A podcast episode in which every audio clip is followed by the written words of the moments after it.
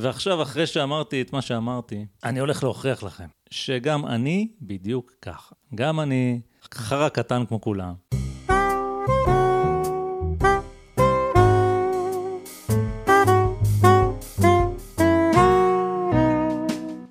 אדם אקראי, הפודקאסט שאפשר בלעדיו.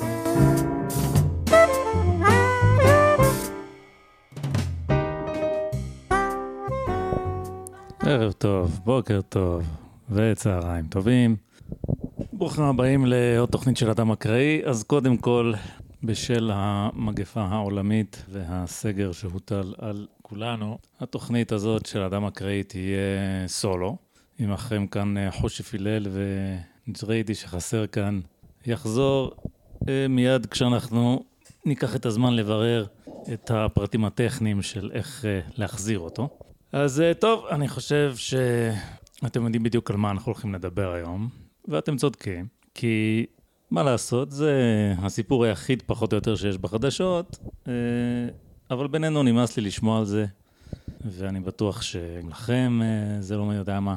אז אי אפשר לא לדבר על המגפה, כי זה מה שהולך היום, אבל כן אפשר, אה, לא יודע, קצת להרחיב, קצת אה, לסטות לפינות אחרות, קצת לנסות להתנהג כרגיל. ומאחר שמטרתנו כאן היא לספק בידור קודם כל לעצמנו, וחוץ מזה גם לכם, אז אה, זה מה שאנחנו הולכים לעשות. אני לא יודע, לא יודע מה יהיה עם המגפה הזאת.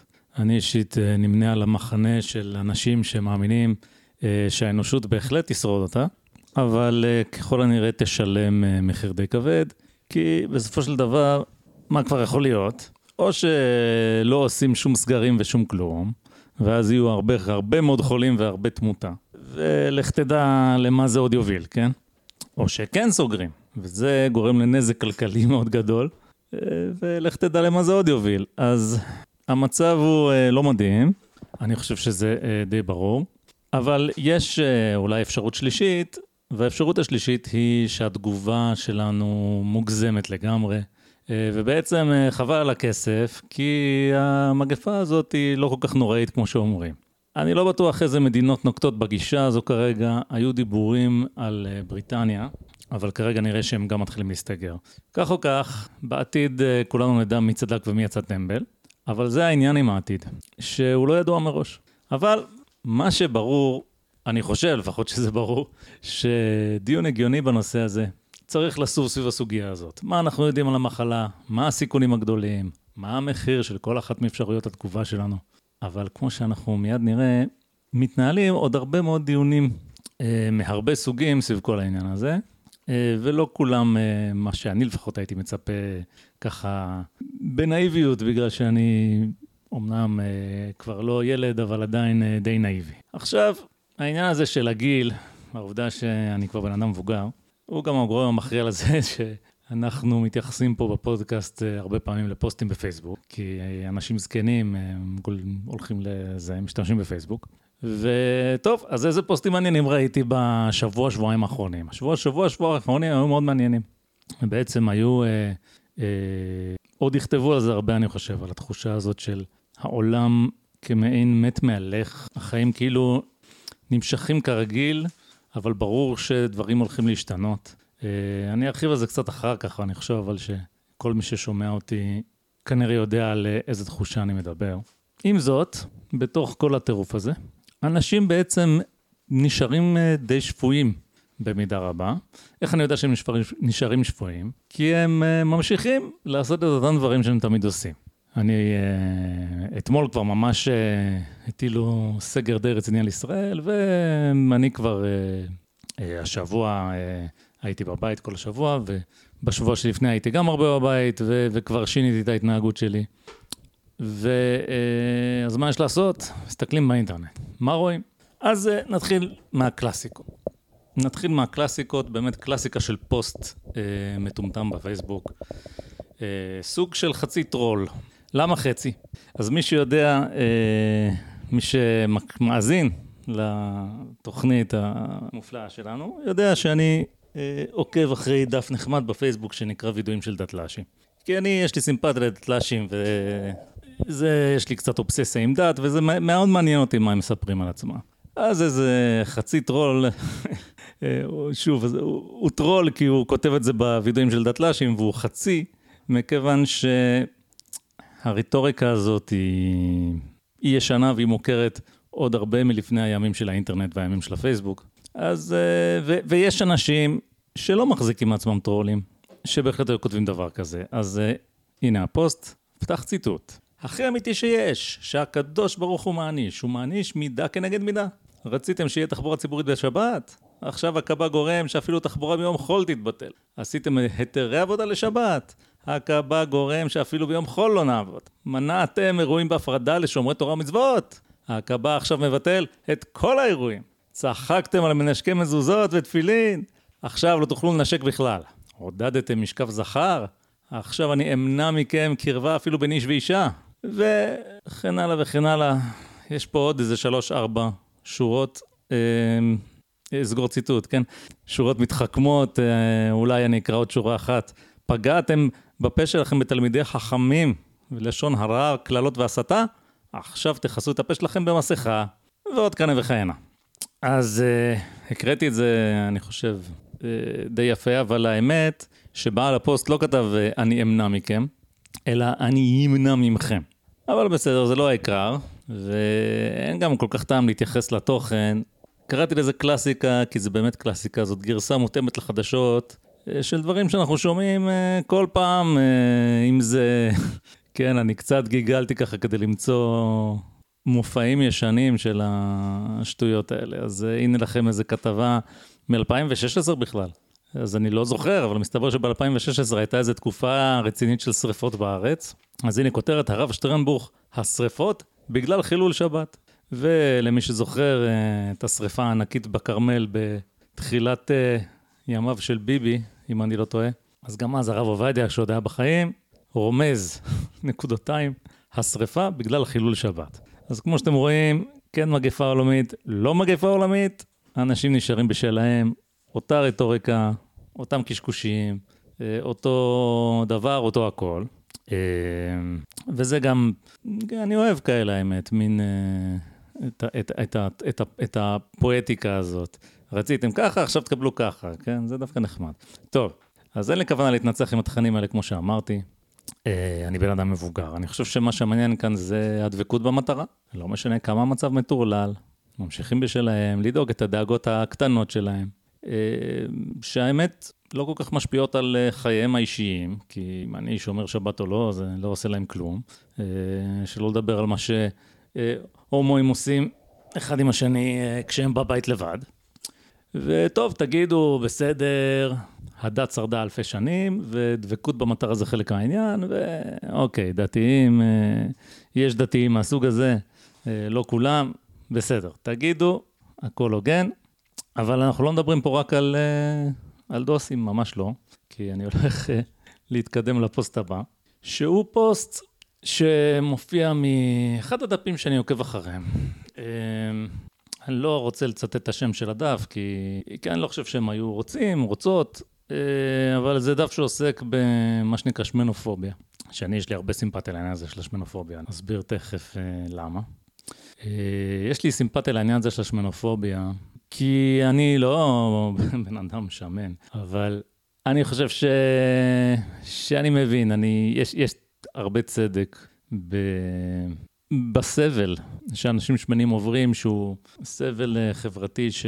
שנובע מאיך שמתייחסים אליהם, אה, ואני חושב שמתייחסים אליהם אה, באמת לא יפה. לוחצים עליהם כל הזמן, והם באמת מופצצים ומוקפים ב... בחבר, למרות שכאילו, זה לא שיש איזה שלושה אנשים שמנים, יש לא מעט אנשים שמנים, אבל עדיין, זה נחשב לא יפה, יש כל מיני סטיגמות שקשורות לזה, אני חושב שזה באמת נכון. אמ, מצד שני, זאת אומרת, וכשהם אה, מתאגדים ביחד, וזה מדובר פה בעיקר על נשים, כן? אז נשים שמנות שמתאגדות אה, ביחד כדי לדבר אחת עם השנייה ולחלוק את הכאב, זה נראה לי התנהגות מאוד סבירה. מה שהולך שם בדף הזה בדרך כלל, זה, יש כל מיני, יש באמת להתלונן על איך שהחברה מתייחסת לנשים שמנות, שזה אני לגמרי מבין ויש לי הרבה סימפתיה לזה. ויש את המלחמה בממסד הרפואי, אם אפשר לומר. עכשיו, הממסד הרפואי, אני גם לא מת עליו, וגם שם אה, אני מניח שיש מידה של צדק בתרעומת שלהן. אה, עם זאת, אה, קצת, זה קצת מוגזם, ולמה אני מתכוון? זה ידוע שהדעה הרפואית המקובלת בימינו היא שלהיות בן אדם שמן זה לא דבר טוב, וזה קשור לכל מיני תחלואות, ויש הרבה ניסיון בקהילות כאלה של שמנופוביה, או של המלחמה בשמנופוביה, לקעקע את זה, להגיד בעצם זה לא צודק ואין קשר בין השמנה לבעיות בריאותיות, והמחקרים מוטים, והמחקרים לא בסדר, והנה יש לנו מחקרים משלנו שמראים שלא, וכן הלאה וכן הלאה. אמ, והאמת שאני חושב שזה נכון ולא נכון. יש בזה משהו נכון כי מחקרים, אתם יודעים, כבר השמענו פה הרבה ביקורת על מחקרים. ואני לא... לדעת אם מחקר הוא טוב או לא, זה הרבה עבודה. צריך להיכנס למחקר, לבדוק איך הוא נעשה וכן הלאה, ובהחלט ייתכן שיש אה, מחקרים לא טובים ולא איכותיים. אבל מצד שני, יש לי גם, בנושא הזה של מחקרים, יש לי דעה אה, שיש הרבה דברים שלא צריך מחקרים בשבילם. וכשאנשים אה, מתקשים לשרוך את הנעליים, אז קשה לומר שהם לגמרי בקו הבריאות. או כשהם מתקשים להתהלך ברחוב, מרחקים שלא קצרים. אז קשה לומר שהם בקו הבריאות, כי ללכת ברחוב זה די עניין יומיומי, ומי שקשה לו עם זה, יש לו בעיה בתפקוד. אה, וזה המציאות, כן? וכבר דיברנו כאן אה, בפודקאסט הרבה על ניתוק מהמציאות.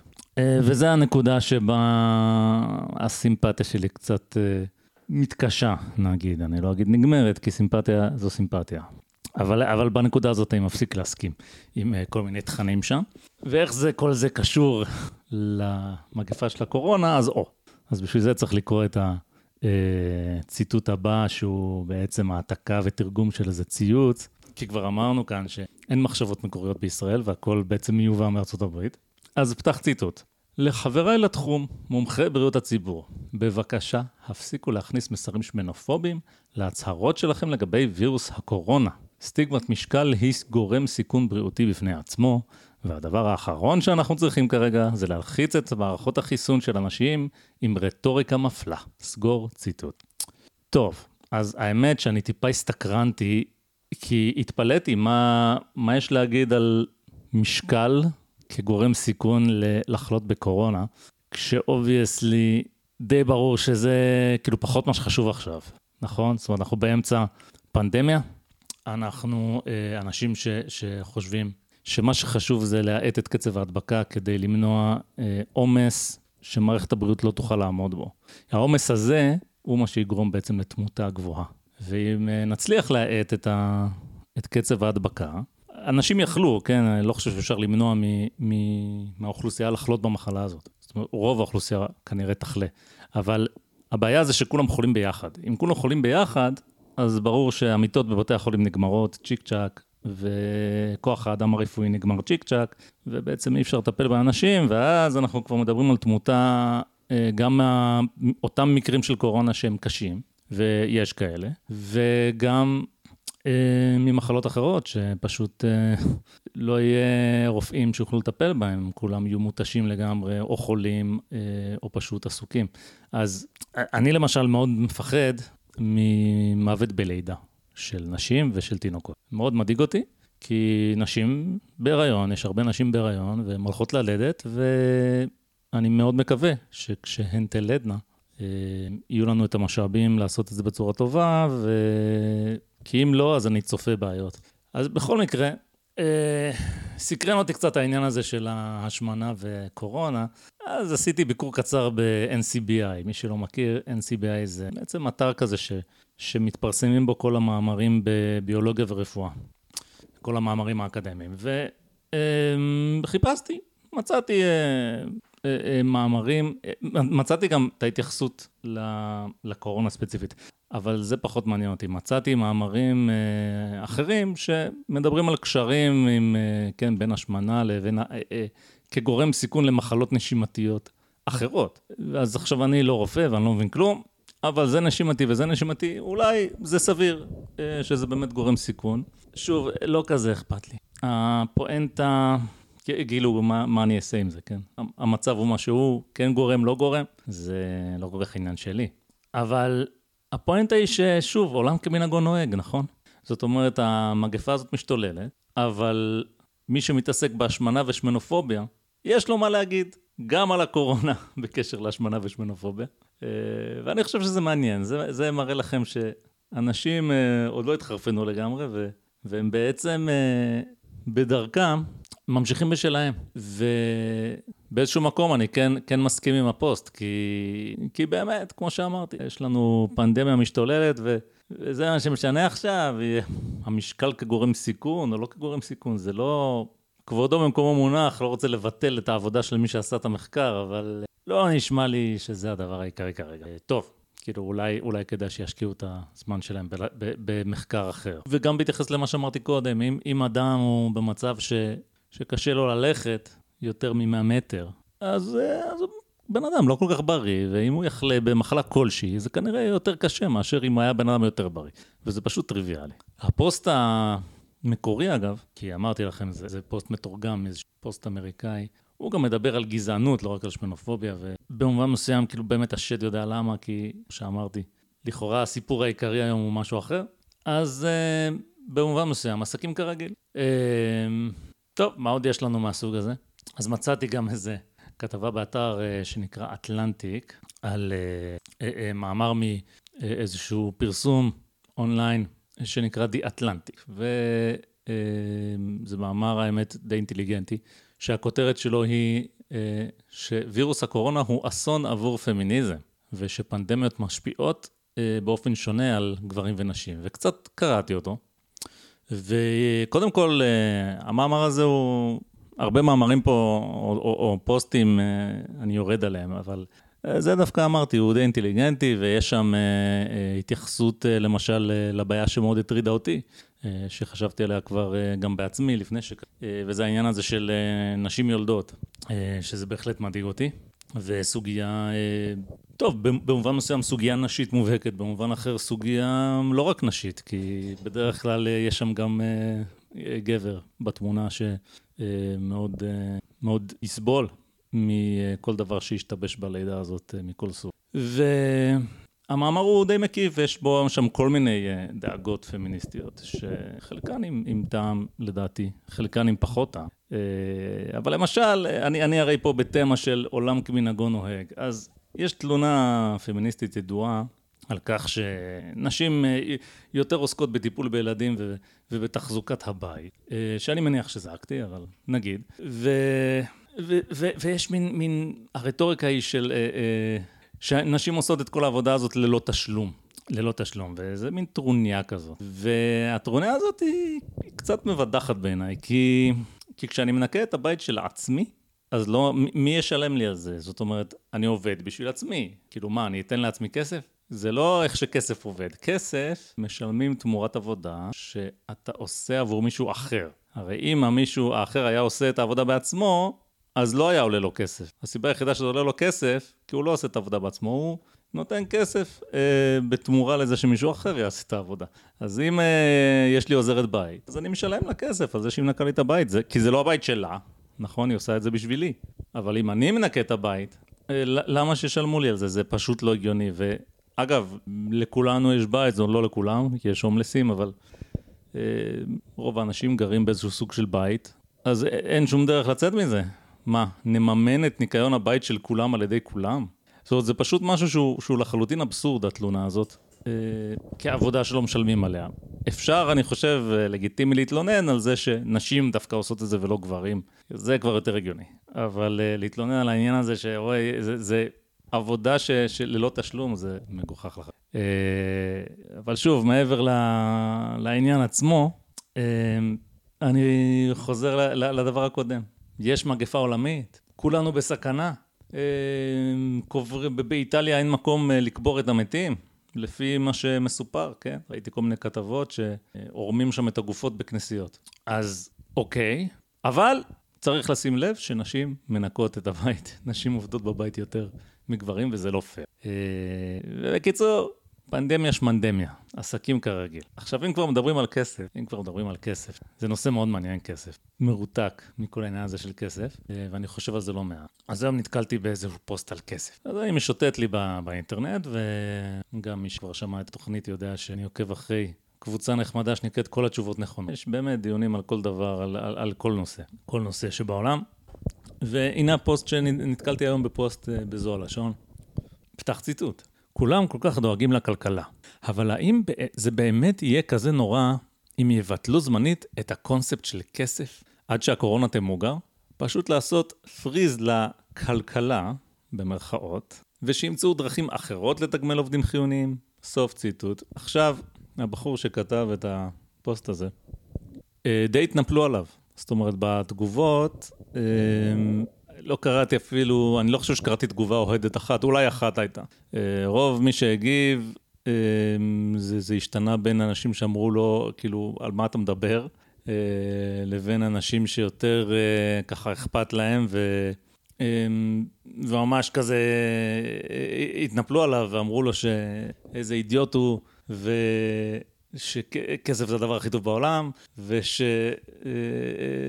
נבטל את הכסף אז זה יהיה אסון וקטסטרופה, ושהכסף הוא אה, אמצעי מאוד יעיל בעצם לניהול משאבים.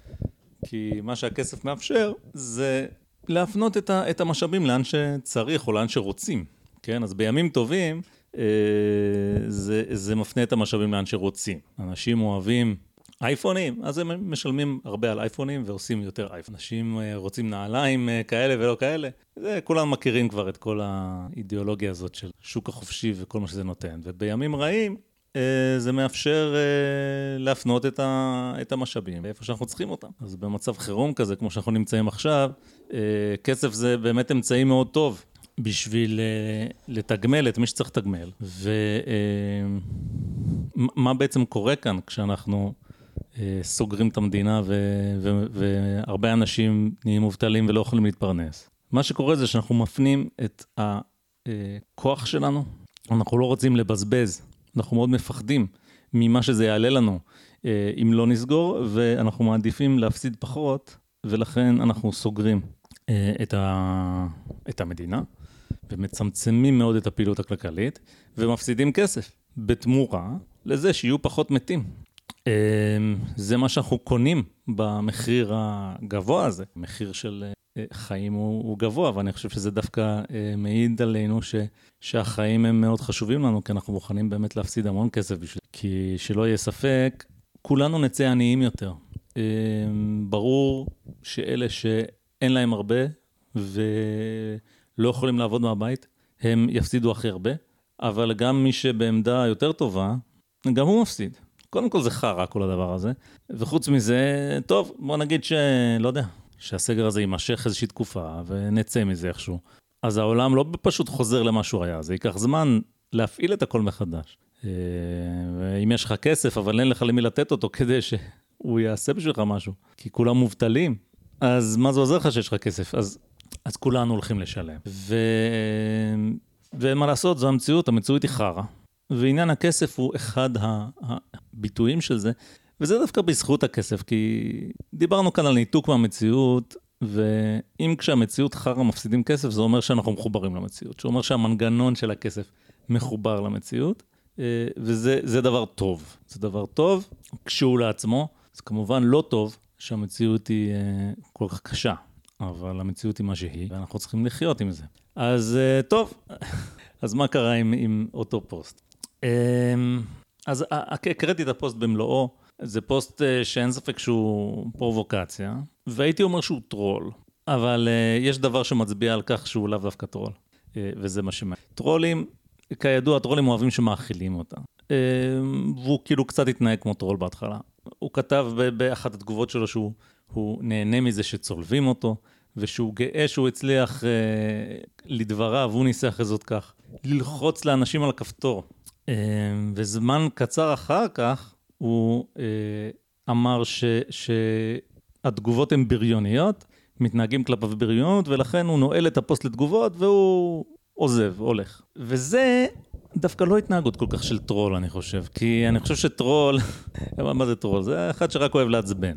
אז יש, יש מן הטרוליות, מן ההטרלה במה שהוא עשה, אבל אני חושב שאם היה טרול אמיתי, הוא היה פשוט ממשיך וממשיך ו, ועונה ככה תשובות אה, קצרות פה ושם, ו, ומעצבן כמה שיותר אנשים. אבל אה, זה לא מה שקרה. מה שקרה זה שהוא הודיע לציבור המגיבים שהם אה, שטופי מוח. זה מה שהוא אמר, שטופי מוח, כי הרעיון של לבטל את הכסף לדבריו מערער להם את הזהות. אבל לדעתי, אה, הוא לא צודק, לדעתי ההפך הוא הנכון, ו- ואני אסביר תכף. אז אה, לגבי הכסף, כבר דיברתי על כסף קודם בתגובה לפוסט הזה.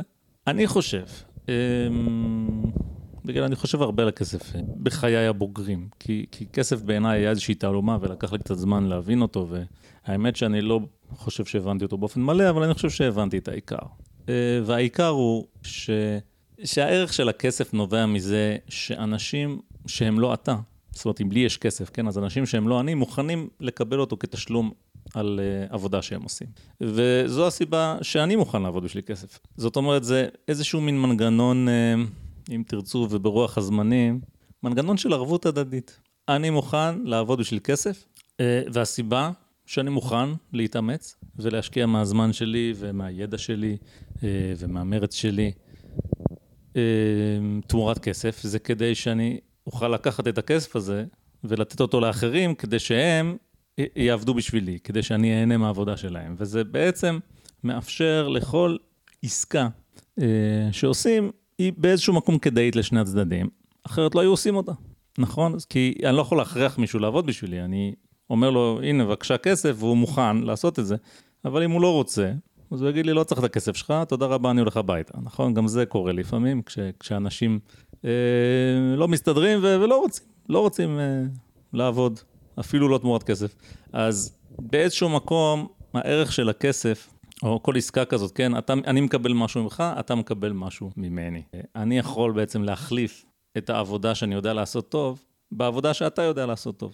ושכל אחד יודע לעשות טוב. אז אני יודע, אה, אני עובד בהייטק, אני יודע לתכנת, אני יודע להציע את השירותים שלי לאחרים, לבוסים שלי, ואנשים אחרים מציעים לי את שירותיהם, האוטו שלי מתקלקל, אני יכול ללכת למוסך, ובן אדם שיודע מה לעשות עם אוטו מקולקל, מוכן לתת לי אה, את הידע שלו בתמורה לכסף. ובעצם אני מחליף את הידע שלי ואת המומחיות שלי בידע שלו והמומחיות שלו. וכסף זה מנגנון אה, חכם שמאפשר לנו לעשות את זה בקלות. אה, כי בלי כסף אז מה הוא צריך מתכנת. הוא לא צריך מתכנת, אז הוא לא יתקן לי את האוטו, כן? אבל הכסף מאפשר לי, אה, מאפשר לזה לעבוד. ו... ואם תחשבו על זה, אז מה בעצם אמרתי? שהערך של הכסף נובע מזה שיש בעולם אנשים הגונים. יש בעולם אנשים שאם אני אה, אשלם להם, הם יעשו לי את העבודה. אה, ואני מוכן לעשות את העבודה כשמשלמים לי. ואם כולנו היינו אה, רעים או רמאים או עצלנים, אז לא היה כסף, כי לא היה למי לתת אותו. זאת אומרת, מה, הייתי נותן כסף לאיזה רמאי? אם כולם היו אה, אה, לא הגונים, אז, אה, אז הכסף לא היה לו שום ערך. ולכן, אה, הערך של הכסף נובע מזה שיש אנשים הגונים. הכסף הוא, הוא בסך הכל מנגנון, והערך שלו, ככל שיש לו ערך, זה מגיע ממקום מאוד טוב ומאוד אה, בריא. כמובן שהכסף הוא מנגנון, אה, מנגנון לא מושלם, כמו כל דבר שבני אדם המציאו. אה, כי למשל אפשר לגנוב אותו, ואפשר להשיג אותו במרמה, ואפשר כל מיני דברים לעשות. זאת אומרת, אפשר לנתק את כל הסיפור הזה שסיפרתי פה, אפשר לחבל בו. וכל פעם שמישהו מועל או גונב או מרמה או מחפף את העבודה שלו, הוא מחבל קצת בערך של הכסף. וזו הסיבה שלמשל אנחנו רוצים אה, שממשלות יעשו כל מיני צעדים נגד הלבנת הון. כי מה זה הלבנת הון? הלבנת הון זה לקחת כסף שהשגת בפשיעה, ולנסות ליהנות מהערך שלו, למרות שאתה בעצמך לא נתת כלום, ואתה מנסה להפוך אותו לכסף לגיטימי, ולקבל תמורתו עבודה של אנשים אחרים, כשאתה פושע ואתה גנבת את הכסף הזה, או השגת אותו באיומים, או באלימות, או באיזשהו פשע כזה או אחר. זה הלבנת הון. והלבנת הון זה לא טוב לנו, זה הורס, משחית את הערך של הכסף, משחית את הערך של העבודה שלנו. אה, ולכן זה פוגע בכולנו, ולכן יש לנו אה, כל מיני חוקים ותקנות שמנסים למנוע. אז לגבי הבחור מהאינטרנט שדיברתי עליו, שבסופו של דבר הפוסט היה קצר, הוא פשוט זרק פרובוקציה בלי שום uh, רעיון רציני, uh, מה הוא מציע במקום כסף, כן? כי כמו שאמרתי, כסף הוא לא מושלם, ואני לא יודע מה יהיה בעתיד. אולי ימציאו יום אחד משהו אפילו יותר טוב מכם, אם כן, אז אני מאוד אשמח. תארו לעצמכם כסף שאי אפשר לגנוב. זה היה מדהים, אם היה כזה דבר. זה היה פשוט uh, מסרס בבת אחת uh, uh, ארגוני פשע שלמים. אבל uh, עוד לא המציאו כזה דבר, והוא בטח לא, לא הסביר מה האלטרנטיבה. אבל יש נקודה אחת חשובה בזה, והנקודה הזאת זה מה שסיפרתי קודם, שלא עבר הרבה זמן והוא נעל את הפוסט לתגובות אה, ואמר שמתנהגים אליו בצורה בריונית אה, וקרא למגיבים למיניהם שטופי מוח, כן? שטופי מוח כי הם מאמינים ברעיון הזה של כסף אה, והוא גם משתמש במילים מערכת מוניטרית וזה זה צלצל לי באוזנה כי אני פעם נתקלתי לפני הרבה הרבה שנים באיזה תנועה שנקראת תנועת ציידגה, הם אומרים זיידגה כי הם לא רוצים להישאר גרמנים אבל אה, זה אה, ביטוי גרמני, ציידגייסט, ציידגייסט זה רוח הזמן. ולפני, אני יודע, בטח איזה 15 שנה, באמת עבר המון זמן, נתקלתי בדבר הזה. אה, היו סרטונים באינטרנט, לא משנה, אני לא, לא רוצה להיכנס לזה יותר מדי. אני די המום ש-15 שנה אחרי הדבר הזה עדיין מסתובב. ואני פה מלרלר כבר לא מעט דקות, ואני לא, לא רוצה להיכנס עמוק לסיפור הזה. אני רק אגיד, בלי לנמק, ש... אני רק אגיד שאני אסכם את זה. בזמנו הסתכלתי על זה, דמגוגיה מוחלטת וקשקוש גמור. אה, מין רעיון כזה ש, שיכול לקסום אולי לבני הנעורים, ש... אה, או לאנשים שלא חשבו על זה כמו שצריך. שכסף זה איזה קונספיר. אה, כן, ואני מסכים שזה, לפני שמבינים את זה, זה באמת טיפה מפליא, כן? איך לחתיכות של נייר יש, יש כל כך הרבה כוח בעולם. אבל הסברתי, הכוח האמיתי זה שאנשים משתפים פעולה ועובדים, אה, ובעצם מוכנים להחליף את הערך עבור ערך. וערך זה דבר מאוד גמיש, יש המון סוגי ערכים. מטריאליים בעולם. אה, אז אמרנו, יש לתכנת, ויש לתקן את האוטו, ויש לנקות את הבית, אה, ויש לגדל מזון, יש המון המון ערכים. אז הערכים האלה הם אין ספק שהם אמיתיים. ושוב, הכסף הוא אך ורק מנגנון, הוא לא איזה משהו, אין, אין לו כאילו לגמרי חיים משלו. מנגנון, לא, לא פחות ולא יותר. מנגנון מאוד חכם, ו- ולכן הוא מאוד עוצמתי, ולכן אה, אומרים שכסף מנהל את העולם, אבל זה לא הכסף שמנהל את העולם, זה האנשים שמוכנים לעבוד. ו- ו- ולכן אני חושב ש- ששטוף המוח כאן זה דווקא אותו בחור, כי הרי מה קרה כאן? זה, שוב, אני קצת מנחש, כי אני לא מכיר אותו, וכמו שאמרתי, ציידקאסט וכן הלאה, זה רק ככה מרמזים מסוימים במה שהוא אמר, שזה פשוט צלצל לי במוח. כי כבר נתקלתי בזה בעבר, אז אולי אני טועה, אולי אני טועה לגבי האיש הזה. אבל, אה, כי אולי הוא לא קשור בכלל לתנועה הזאת, או לחומרים האלה, יכול להיות, אין לי מושג. אבל ההתנה... זה, זה מאוד, זה, התמונה מצטיירת בצורה די, די עקבית מבחינתי. כי מה הוא עשה? הוא בא, זרק איזה משהו בלי שום הסבר, כן? אה, ואחר כך, כשאנשים אה, הסבירו לו, אמנם בלהט מסוים, אה, למה לדעתם הוא טועה, אז הוא החליט שזה רק מעיד על כמה שהוא צדק מלכתחילה, ושהוא לחץ על, עליהם על הכפתורים, כן? אחר כך הוא קרא להם בריונים וברח. אגב, אני חושב שהבריונים פה, זה, לא, לא חושב שהתנהגו אליו בבריונות בכלל, בסדר, אנשים היו קצת אה, דעתנים, אה, הוא דעתן לא פחות. וזאת די התנהגות של אה, שטוף מוח לדעתי, נכון? זאת אומרת, יש לו איזה דעה, הוא כבר יודע מה הוא חושב, לא באמת מעניין אותו מה אחרים חושבים. הוא בטוח שכולם חיים באיזה אשליה שכסף זה, זה דבר שמייצג ערך אמיתי, ורק הוא מבין הוא והחברים שלו מבינים מה באמת קורה, אה, וכשכולם מתרכזים או לא מסכימים איתו, אז הוא לא שואל את עצמו, רגע, אם כולם אומרים, אולי יכול להיות שאני פה לא בדיוק...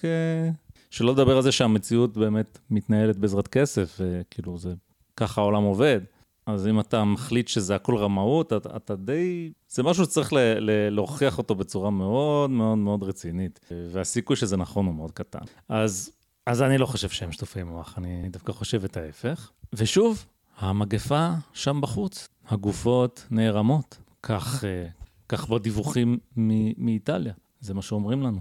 אה, ראיתי היום בדיוק נתון שמספר, אה, ש, שיש אלף מתים ביום בעולם כבר מהדבר הזה היום. שוב, העולם הוא מאוד גדול, זה עדיין כאילו במונחים אבסולוטיים עדיין מספר קטן, אבל אני מניח שכולכם כאן כבר נחשפתם לדיונים ולמאמרים שמסבירים שהסכנה הגדולה במחלה הזאת זה, זה לא בדיוק אחוזי התמותה שלה, זה לא שהיא הולכת פה להרוג את כולם, אלא זה העומס שהיא עלולה ליצור בגלל שהיא מאוד מאוד מדבקת. מאוד מדבקת, והיא, והיא כן מחלה לא קלה.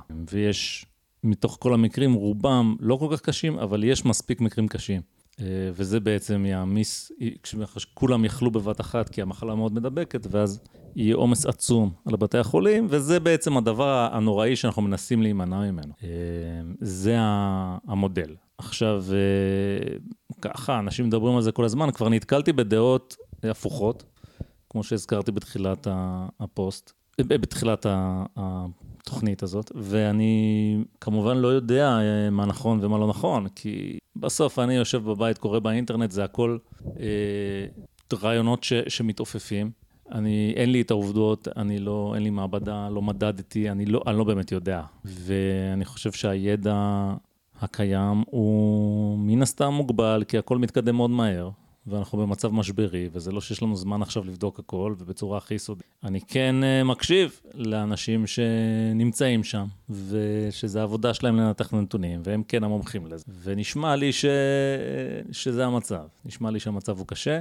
אני מבין את ההיגיון שעומד מאחורי הטענה הזאת, אני מבין את ההיגיון שאומר שקצב ההדבקה זו הסכנה האמיתית, uh, ושזה מה שגורם לערימות של גופות באיטליה.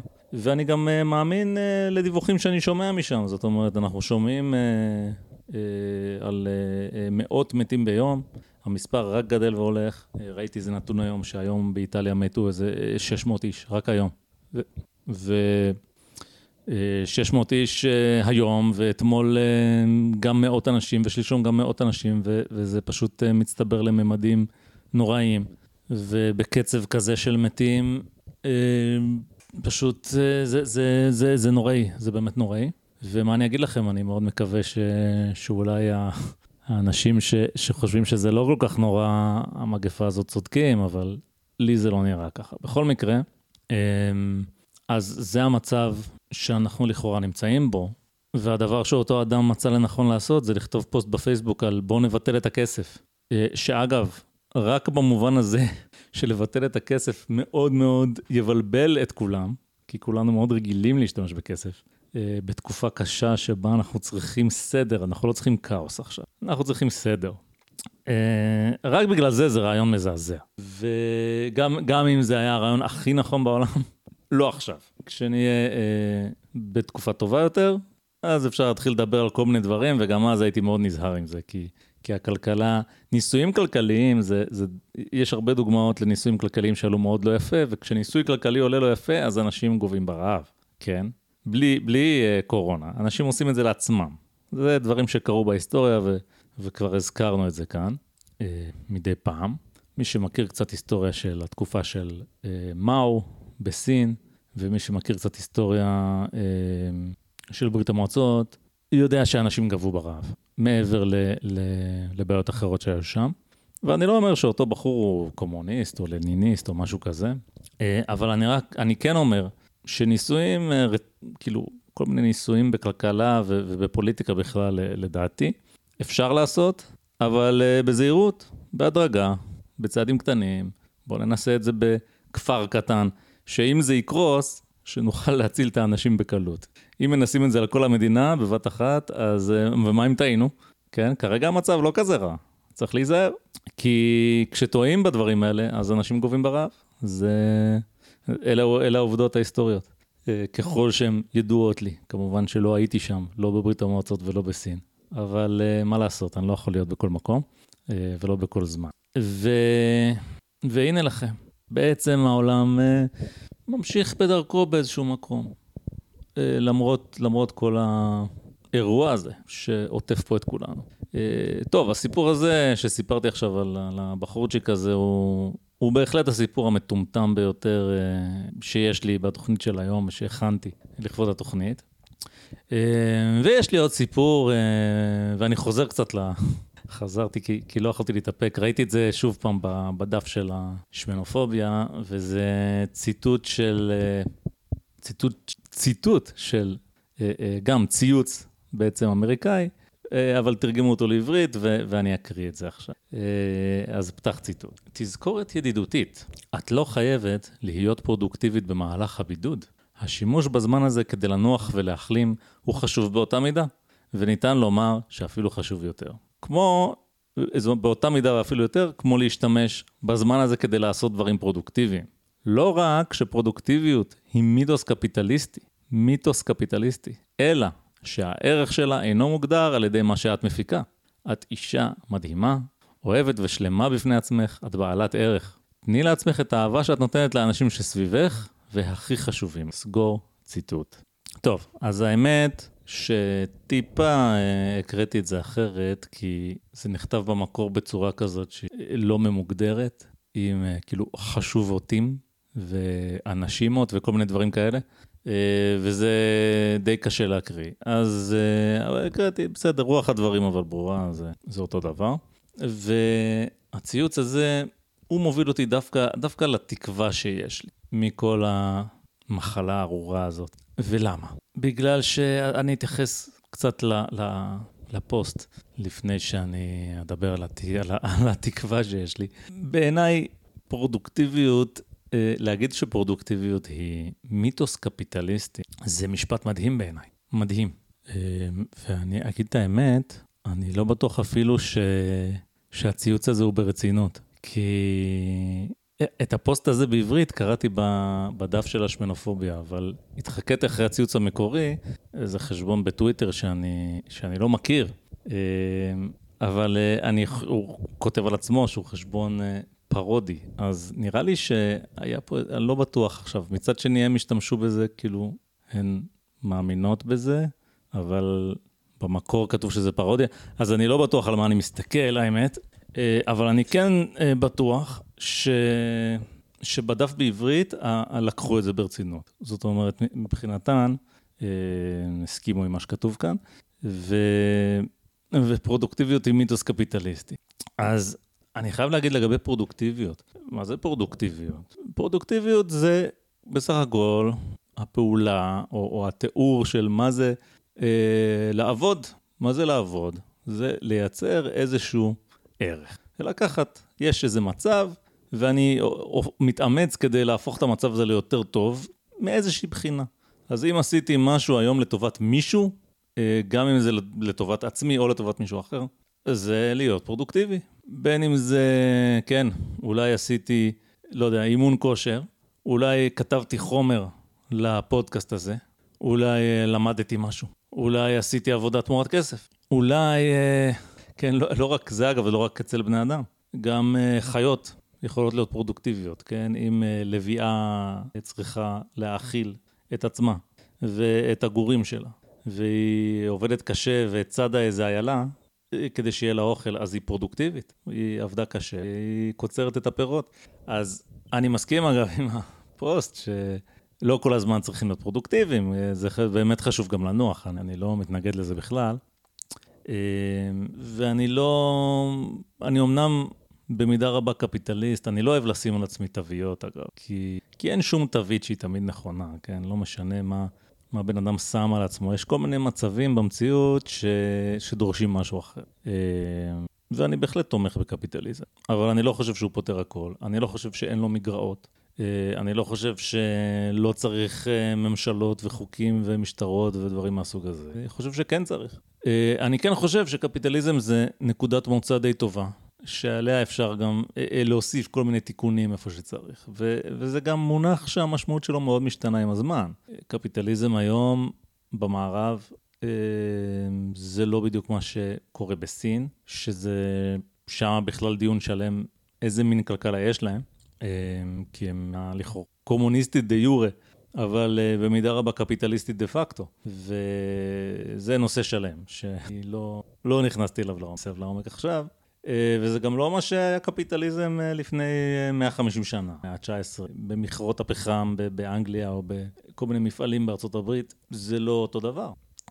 וזה מתפתח, זה מתפתח בגלל שיש כל מיני דברים לא טובים, ואז uh, מתקנים אותם. וזה תהליך מייגע ויש לו מחיר אנושי, uh, כמו כל דבר בפוליטיקה ובכלכלה. אנשים לאט לאט מגלים איך יותר טוב לעשות דבר. אבל אה, אותה, הדף הזה והקהילה, הקהילה הזאת של אה, נשים אה, שמנות ש, שיש להן את הקהילה הזאת בפייסבוק, בסופו של דבר משתמשת בתוצרים הכי מתקדמים של קפיטליזם כדי לנאץ אותו, שזה פייסבוק. כן, פייסבוק אה, זה הרשת החברתית הזאת שמאפשרת, בעצם אפשרה לכל האנשים האלה למצוא אחת את השנייה ו- ולהקים קהילה ולתמוך אחת בשנייה בנושא שכואב להן.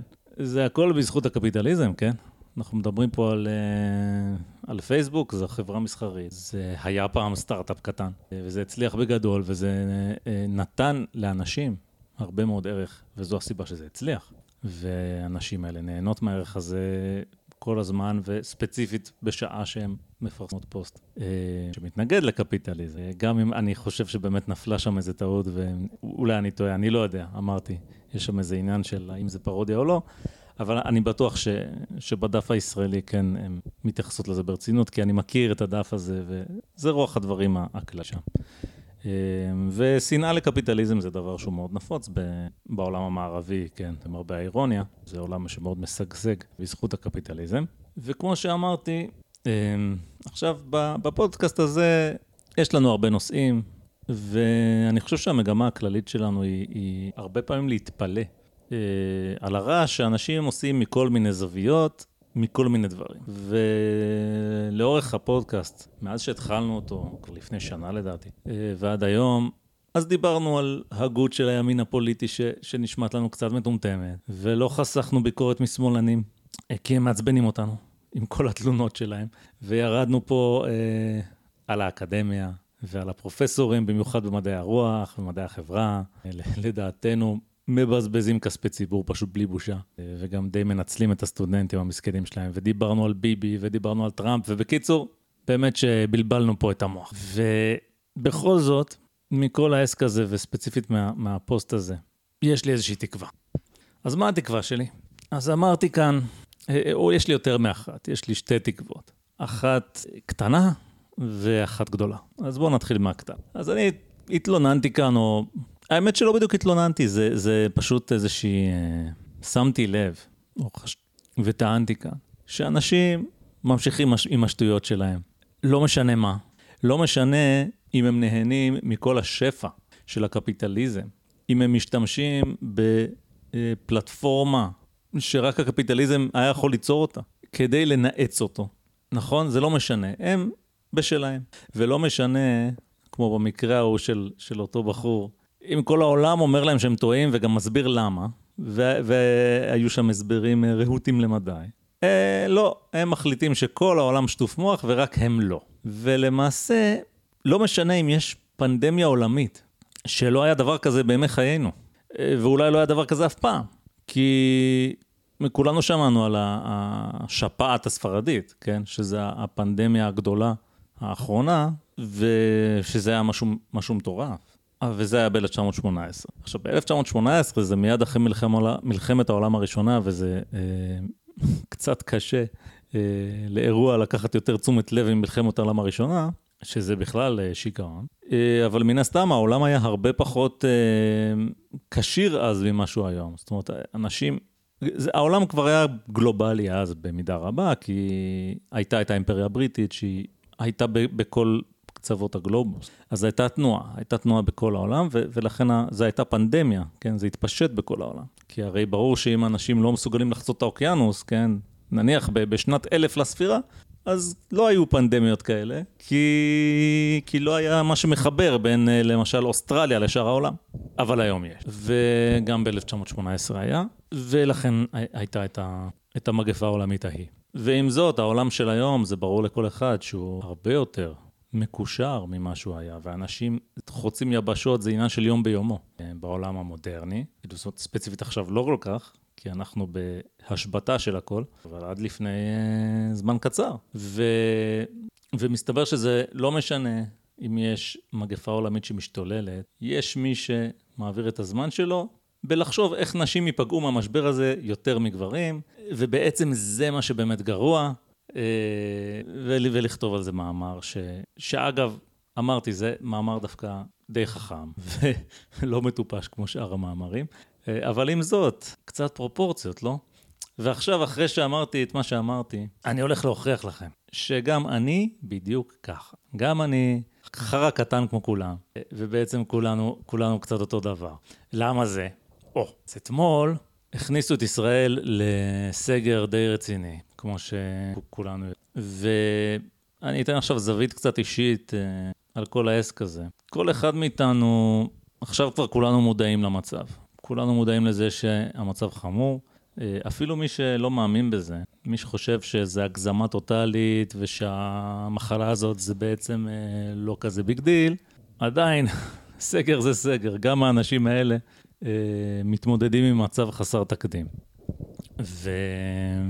וכולנו עברנו איזשהו תהליך של להתוודע על העניין הזה. וכל אחד התוודע לזה בנקודה קצת אחרת בזמן.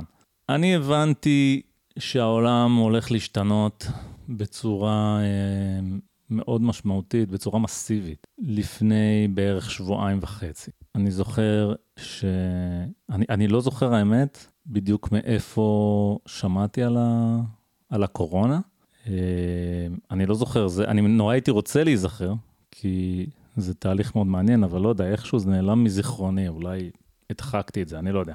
ובכל מקרה, הלכתי עם אה, הבת זוג בתל אביב, והיה יום מאוד נחמד. ו... אבל כבר, כבר אז הבנתי מה קורה, ואמרתי לה, אמ, ש... אמרתי לה, תהני מזה. תהני באמת מהיום הזה, זה היה יום מאוד יפה, ו... ובאמת אה, בילינו, ו... ועשינו כיף. ואמרתי לה, אני, אני באמת, כאילו, אני לא, לא חושב שיהיו לנו עוד, עוד ימים כאלה בקרוב. ואני קצת מופתע מעצמי, כי, כי אני, שוב, אני לא כך מבין איך, איך הבנתי את זה אז, וכי, זאת אומרת, הנאום של ביבי, ש, שאני חושב אה, אה, אה, ניער הרבה מאוד אנשים שהיו עוד שאננים, היה רק, לא יודע, עשרה ימים אחרי. אבל בסדר, מן הסתם כבר, כבר אנשים היו מודעים לדבר, ו, וזה הגיע גם אליי. ואז אני נעשיתי גם מודע. וראיתי שזה תהליך, אני חושב, שעבר על כולנו. כל אחד בקצב שלו ולפי איך שהידיעות הגיעו אליו. הבין את זה. ויש אנשים ש, שלא חושבים ככה אפילו עכשיו, כן, יש את, את אותם קולות ש, שאומרים שאנחנו מגזימים. אבל אני חושב שרוב האנשים כן, כן בדעה שהדבר הזה מטורלל לגמרי. זאת אומרת ש, שהמצב באמת דורש את, ה, את התגובה הקיצונית הזאת. ו, ואז ביליתי איזה כמה ימים, אחרי ש, שבעצם נחתה לי ההבנה הזאת, ביליתי כמה ימים ב, בחרדה גוברת והולכת מהחורבן שהולך לבוא עלינו. ודבר אחד שחזרתי עליו שוב ושוב עם, עם כל מי שדיברתי, כי כולנו גם התחלנו לדבר אך ורק על הנושא הזה. זה הסיפור, זה הדבר היחיד שיש בחדשות.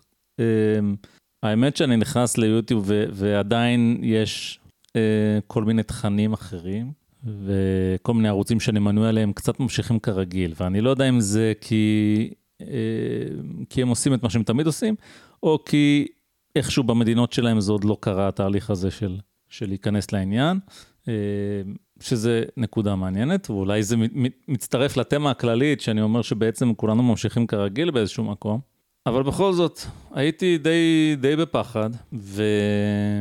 ואמרתי להמון אנשים שדיברתי איתם על זה, תהנו, כאילו אנחנו, אנחנו נתגעגע לימים האלה. אנחנו נתגעגע לימים האלה כי הולך להיות קשה. וכאן בעצם אה, נמצאת ה... מה שקראתי לו התקווה, התקווה הקטנה שלי, שאנשים יקלטו בעצם כמה טוב היה להם. שאנשים יבינו שהבעיות הפוליטיות האלה, אה, שיש פחות נשים במדעי המחשב, או שיש קפיטליזם, וזה לא מוצא חן בהם, ומרגיז אותם, שצריכים לעבוד במשרד, ו- ושיש להם בו, ושיש אה, עשירים ועניים, ו...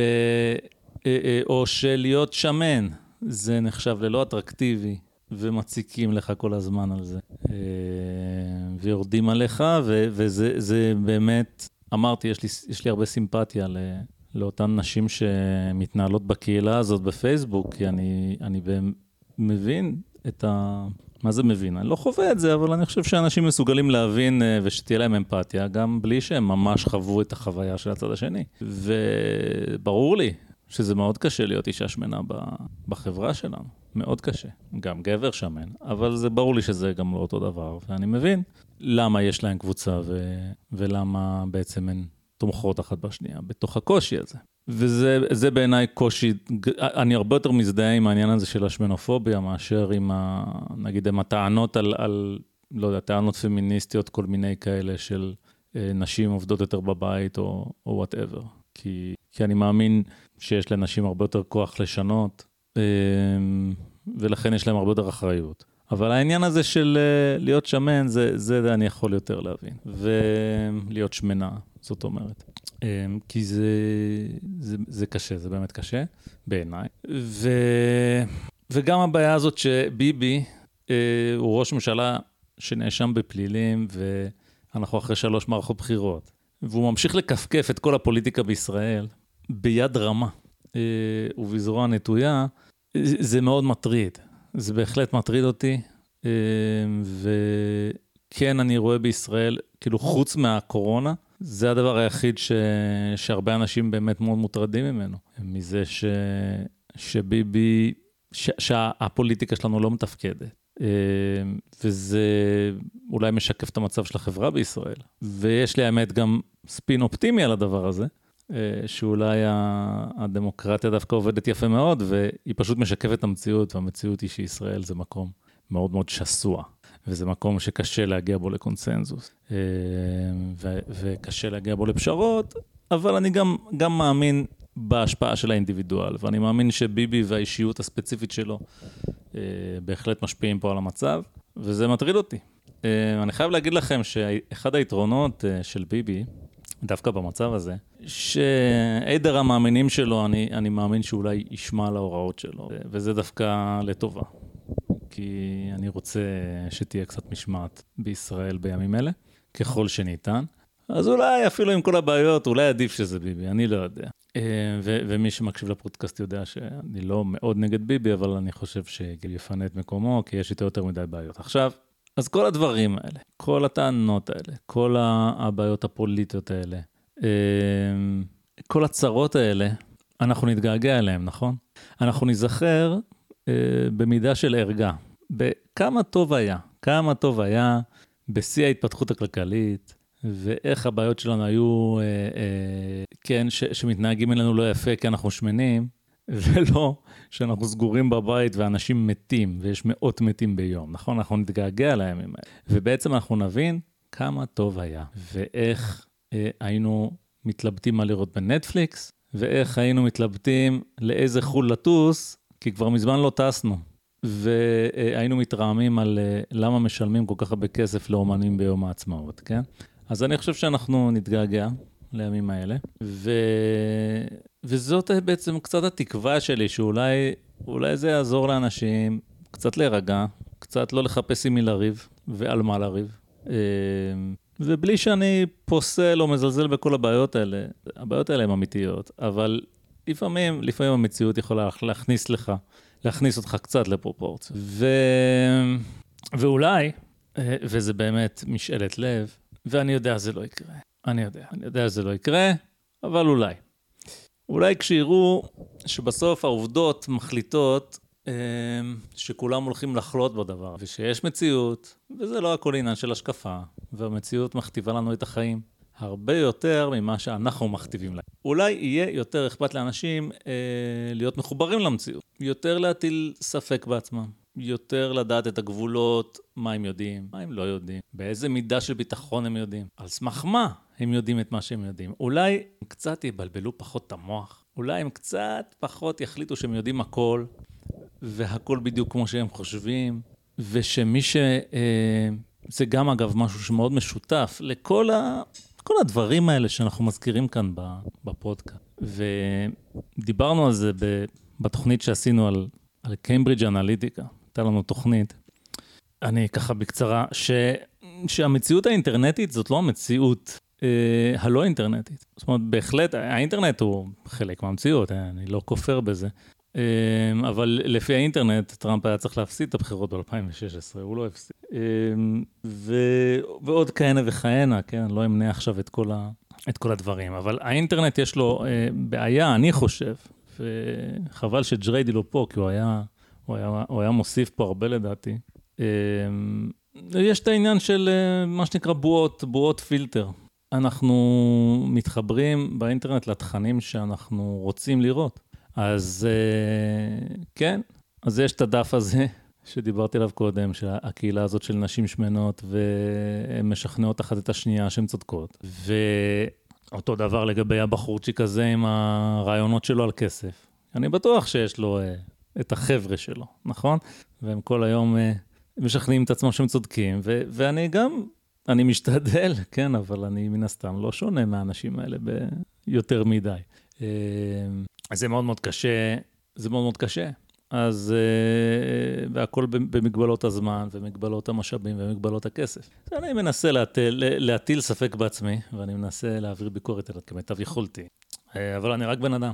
אז אני חושב שיהיה יותר טוב אם כולנו ננסה קצת יותר, ומן הסתם, uh, בדומה לכל האנשים האלה, גם אני חושב שאני מבין יותר מכולם, ולכן אני ממליץ לנסות להילחם בזה. וזה הסיבה ש... זאת הסיבה שאני אמרתי מה העמדה שלי כלפי הקורונה ואיך צריך להתנהג. אני חושב שזה טוב שעושים סגר, אני חושב שזה אה, מחיר כבד מאוד, אבל אני חושב שהאלטרנטיבה, מחיר עוד יותר כבד, ואני מקווה ש... שהגבנו מהר מספיק, ובכל מקרה, עדיף מאוחר מאשר אף פעם. אה, טוב, זה לא נכון, כי, כי אם, אם מחכים מספיק זמן, אז כבר אז כבר האסון מתממש, ואז כבר אין טעם לעשות סגר, כן, זה ברור. אז, אז זה לא עניין של עדיף מאוחר מאשר אף פעם, אבל עדיף, אני חושב שעדיף. אה, אבל אולי אני טועה, אולי אני טועה. בסוף אני לא יודע שום דבר, אה, אני ניזון מאותו אינטרנט שהרגע השמצתי אותו, ואני חושב על זה כמיטב יכולתי, ומדבר עם, ה... עם החברים שלי והאנשים שאני מעריך את דעתם, ומנסה להבין. ובסופו של דבר זה לא כל כך משנה, כי אני רק בן אדם אחד, ואין לי איזה... אני לא, אני לא ביבי, אני לא איזה מישהו שיש לו פה סמכות. אה, ואני לא מישהו שיש לו... אה, הפודקאסט הזה הוא קטן, אין לי איזה מיליון עוקבים. אז אה, בסדר. אני, אני באמת משתדל. אני חושב ש... שלא כולם משתדלים בזה מספיק. וכמו שאמרתי, התקווה שלי, ודיברנו על זה המון פה בפודקאסט, העניין הזה של ניתוק מהמציאות, השגשוג הכלכלי, הוא דבר טוב, אני רוצה שגשוג כלכלי, יש לו אבל גם קצת את המחיר, הוא גורם לניתוק מהמציאות. אה, בדיון הזה על הכלכלה, בדיון על הכסף שהיה שם בפייסבוק, יותר מפעם אחת ראיתי שאנשים חושבים שהכלכלה זה משהו מלאכותי שבני אדם המציאו, וזאת מחשבה שהיא מנותקת מהמציאות. הכלכלה המפותחת, המודרנית, היא כל כך uh, משגשגת שהיא השכיחה מאיתנו את המציאות הכלכלית המקורית, המציאות הכלכלית של פעם. אה, פעם זה לא כל כך מזמן, זאת אומרת, אפילו בימי הביניים, המציאות הכלכלית היא, היא יותר בסגנון של אה, אנחנו נצא ו, ונעבוד בשדה, קשה מאוד, כל היום, כדי שיהיה לנו מה לאכול. זאת המציאות הכלכלית השורשית. זה השורש של הכלכלה, הוא העובדה שאנחנו צריכים לעבוד בשביל לחיות. אם לא נעבוד, לא יהיה לנו אוכל, ואם לא יהיה לנו אוכל, אנחנו לא, לא נוכל לשרוד. וזה תמיד היה נכון. זה היה נכון הרבה הרבה לפני שהיו שיטות כלכליות אה, ומילים כמו קפיטליזם, או סוציאליזם, או, או כלכלה מעורבת, או כל מיני סגנונות כלכליים אחרים שאפשר לדבר עליהם, כן, או מרקנטליזם, שהיה פעם לפני, לפני הקפיטליזם. אז הכלכלה היא דבר שתמיד קיים. איך אנחנו מתנהלים עם זה?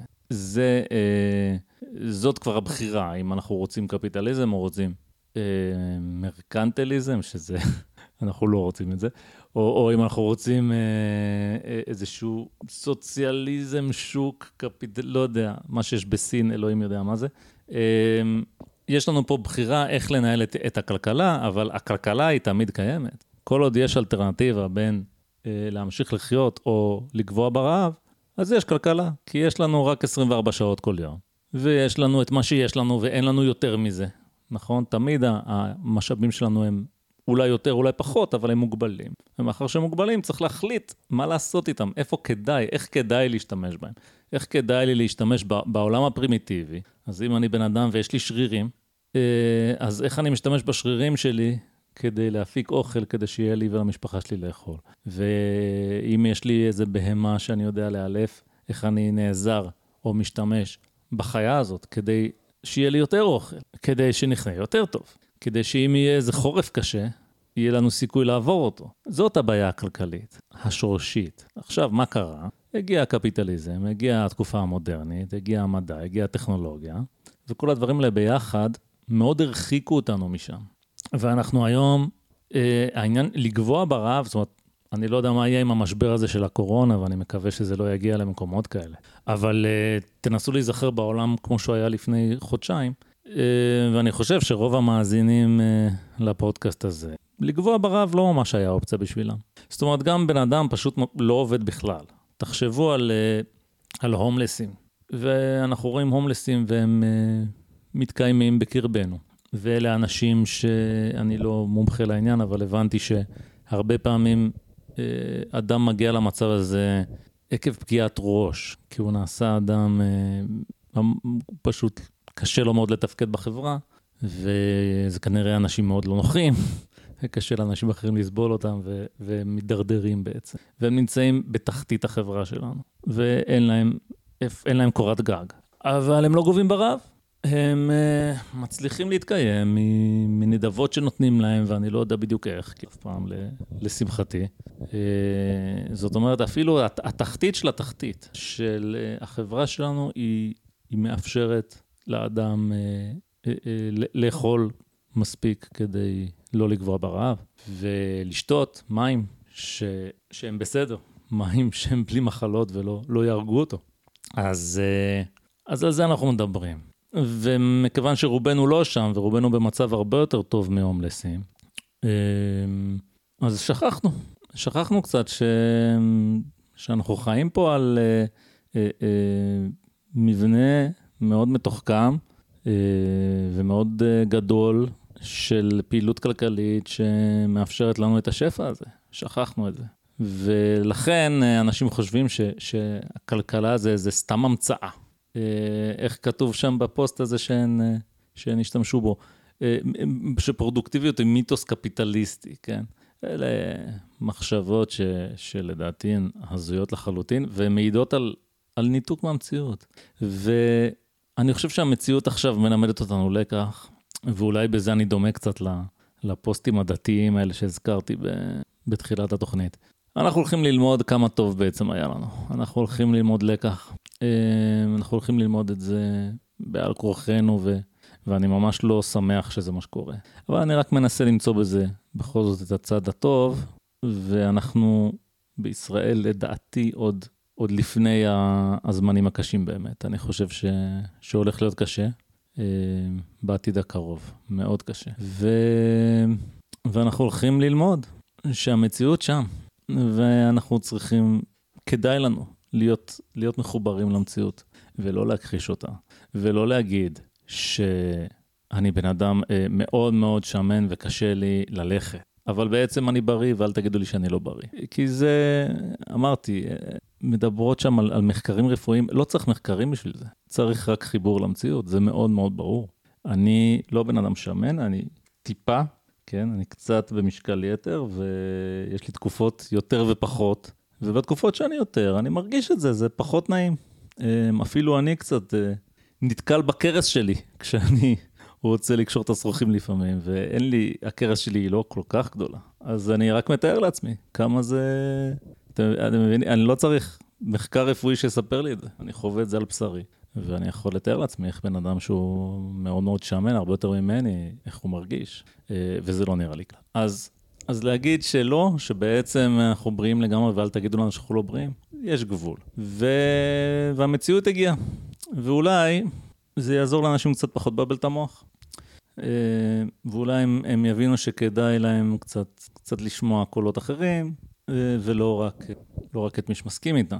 וזאת התקווה הקטנה שלי. אני יודע שלקח לי הרבה זמן לספר עליה, אבל uh, זה המסורת כאן בפודקאסט שאנחנו מלרלרים, ואני לכבודו של ג'ריידי שנעדר כאן, נוכח נפקד, אז אני מלרלר בשביל שני אנשים. אל דאגה, זה לא... הפעם התוכנית תהיה קצת קצרה יותר מה, מהרגיל, כי יש לי עוד תקווה. והתקווה uh, היותר גדולה שלי, אני לפני שאני אספר עליה, אני, אני רק אקדים ואני אומר שוב, שכל נבואות הזעם שלי אה, על הקורונה הזאת, הם בערבון מוגבל. ואני חושב שאם אה, ההזיה הזאת שאנחנו חיים בה, כי באמת זה, זה סרט רע בנטפליקס, נכון? זה, איך אומר המם הזה? זה פרק אה, של מערה שחורה. אם התקופה הזאת לימדה אותנו משהו, זה שאת העתיד אי אפשר לדעת. זאת אומרת, אני סיפרתי כאן אה, לפני בערך שבועיים וחצי, קלטתי שכאילו הולך לקרות פה משהו גדול. לפני שבועיים וחצי ויום, אה, הייתי בטוח שה, שהעסקים כרגיל. אז באמת, את ה, העתיד הוא, הוא בלתי ניתן לידיעה. ועד כמה שאני רואה שחורות, זה קצת עניין של מצב רוח ועל איזה צד קמתי בבוקר. ואגב, אני גם מוצא סיבות להתעודד אה, בתוך כל הבלאגן הזה. אה, והאמת היא שאני אמרתי קודם, עושה כמיטב יכולתי, אבל אני לא באמת יודע. ו- ואני מאוד מאוד אשמח uh, לטעות. בדרך כלל אני, אני לא אוהב לטעות, אבל הפעם אני ממש אשמח לטעות, אני מקווה שאני טועה לגמרי, ובעצם לא יקרה כלום, ו... ומצידי אני מוכן אפילו לשלם מחיר, אני מוכן שכל החיים יצחקו עליי ויגידו שהייתי היסטרי, ו... ואיך סתם uh, הגזמתי, ו... ואני באמת אטעה בכיף. Uh, ואני רוצה לסיים באיזשהו חלום, uh, חלום באספמיה. שיש לי, שהוא, אני יודע שהוא מגוחך לחלוטין, אבל מה אכפת לי, נכון? סוף העולם גם ככה. אז התקווה הגדולה שלי שאחרי האסון הזה שהולך לעבור עלינו, אולי, אולי, אולי, אולי, ואני יודע שזה לא יקרה. אני יודע. אני יודע שזה מטופש. אני יודע שאיך שהדבר הזה ייגמר, איך שהקורונה הזאת תעבור, יום אחרי, אני יודע שאנחנו ישר נחזור לריב על אותם דברים, אם לא לפני כן. אה, כי תראו את הפוליטיקה הישראלית שלנו היום, כן? שלדעתי אנחנו, אני מרגיש שאנחנו רגע לפני שחופרים פה קברי אחים, אוקיי? אני חושב שזה המצב, אני שוב מקווה מאוד ש, שאני טועה לחלוטין. אה, ואגב, יכול להיות שזה לא יקרה, כי, כי אולי בכל זאת איכשהו הצלחנו להגיב בזמן, אני לא יודע. אבל בהחלט יש חשש כזה, והמדינה פחות די בהיסטריה. ואתם יודעים מה, אפילו אם, אם אנחנו טועים לגמרי, עדיין, זה, זה מה שנדמה לנו, נכון? אנחנו, אנחנו מפחדים. אז בתוך כל הפחד הזה, אה, מה קורה בפוליטיקה שלנו? על הפנים, נכון? אין בעצם ממשלה, אה, לא מצליחים להרכיב ממשלה, יש שם אינטריגות בלי סוף, כי זה התנהגות, אה, התנהגות משוגעת, מה שקורה בפוליטיקה הישראלית. זה באמת פשוט לא הזמן לזה. בואו אה, נקים פה ממשלה שתוכל אה, לבצע את מה שצריך, ואחר כך אפשר לחזור לריב כרגיל. באמת, זה לא בורח לשום, זה מה שאני יכול. ולכן אני יודע, אני יודע שזה חסר תקווה, אבל אה, תגידו לי ש, שאני חולם, אני מקווה איכשהו ש, שאחרי האסון הזה, אולי אנחנו נבין סוף סוף שהכל שטויות, ונעשה שלום במזרח התיכון, אה? מה אתם אומרים, אה? כי אני לא חושב שהייתה חוויה כל כך כלל אנושית כמו המגפה הזאת. זאת אומרת, כל האנושות אה, נמצאת פה במצב, באותו מצב, ויש לנו את האינטרנט, ויש עוד חלקים בעולם שפחות מחוברים לאינטרנט, אני יודע, אבל אה, אלה לא החלקים שיש להם את הכוח ואת ההשפעה, נכון?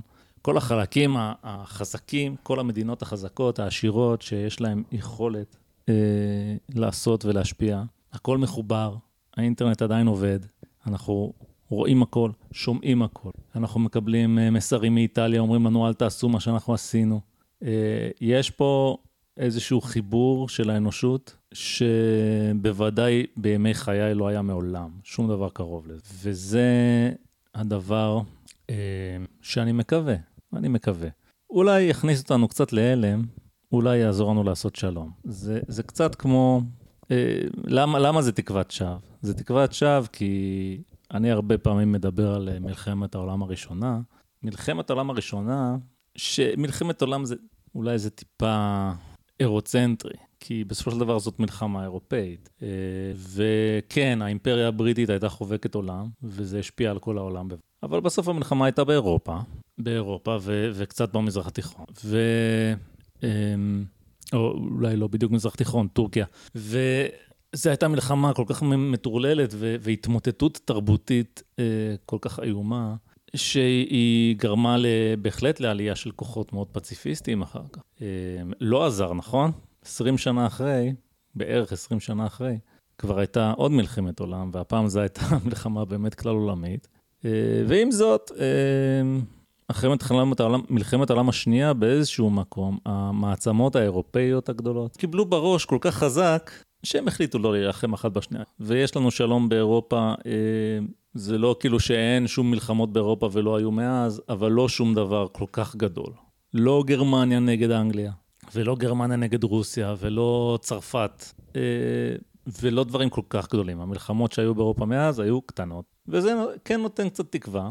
מצד אחד מערער את התקווה, אה, כי היו צריכים שתי מלחמות עולם בשביל להגיע לזה ולא אחת. מצד שני גם נותן תקווה. לפעמים כשאנשים חוטפים מספיק בראש, אה, אז זה מיישר אותם. אז אני אומר, אולי, אולי אפשר אפילו שיצא מזה משהו טוב, מכל החרא הזה. אולי אנחנו נבין שכולנו בני אדם, שיש לנו הרבה יותר משותף ממה שמבדיל אותנו. אנחנו מדברים בשפות שונות, יש לנו מנהגים שונים, בגדים שונים, היסטוריה שונה, ערכים שונים, תרבויות שונות. זה לא אומר שאנחנו צריכים להרוג אחד את השני, אנחנו יכולים גם להסתדר. הטבע, יש לו אמצעים להרוג אותנו משלו אה, בשפע, והוא לפעמים גם עושה את זה. לא צריך לעזור לו. בנטייה הזאת שלו. אז, אה, אז תגידו לי שאני חולם, אבל אני תקוע בבית, בלי תאריך יציאה, ואני לא יודע מתי, אה, עדיין החיים שלי בסך הכל נוחים, אבל אני לא יודע כמה זמן זה יימשך, לא יודע מתי יהיה טוב, אם בכלל, ובתנאים האלה אני חושב ש, שמותר לי קצת לחלום. אז אמרתי שצריך להיות מחוברים למציאות, אבל מותר לי גם קצת לחלום. אז uh, תודה שהייתם איתי כאן, חוש אפילל. ואני מקווה מאוד שנצליח לגייס את ג'ריידי בקרוב, ולהפיק עוד תוכנית שבתקווה תהיה אה, מעניינת ומשעשעת של תוכנית המורבידית הזאת שהייתה לנו כאן היום. אז תהיו בריאים, תשמרו על עצמכם, ואני מקווה ש... שאיכשהו נצא מכל החרא הזה עם uh, בלי יותר מדי נזק, ושיהיה בסדר. אז uh, באיחור אופנתי, תנו לנו את הלייקים, את השארים, ותפרגנו לנו, כי אנחנו באמת עובדים קשה. אה, כדי לספק לכם תוכן איכותי, ותהיו בריאים, זה הכי חשוב.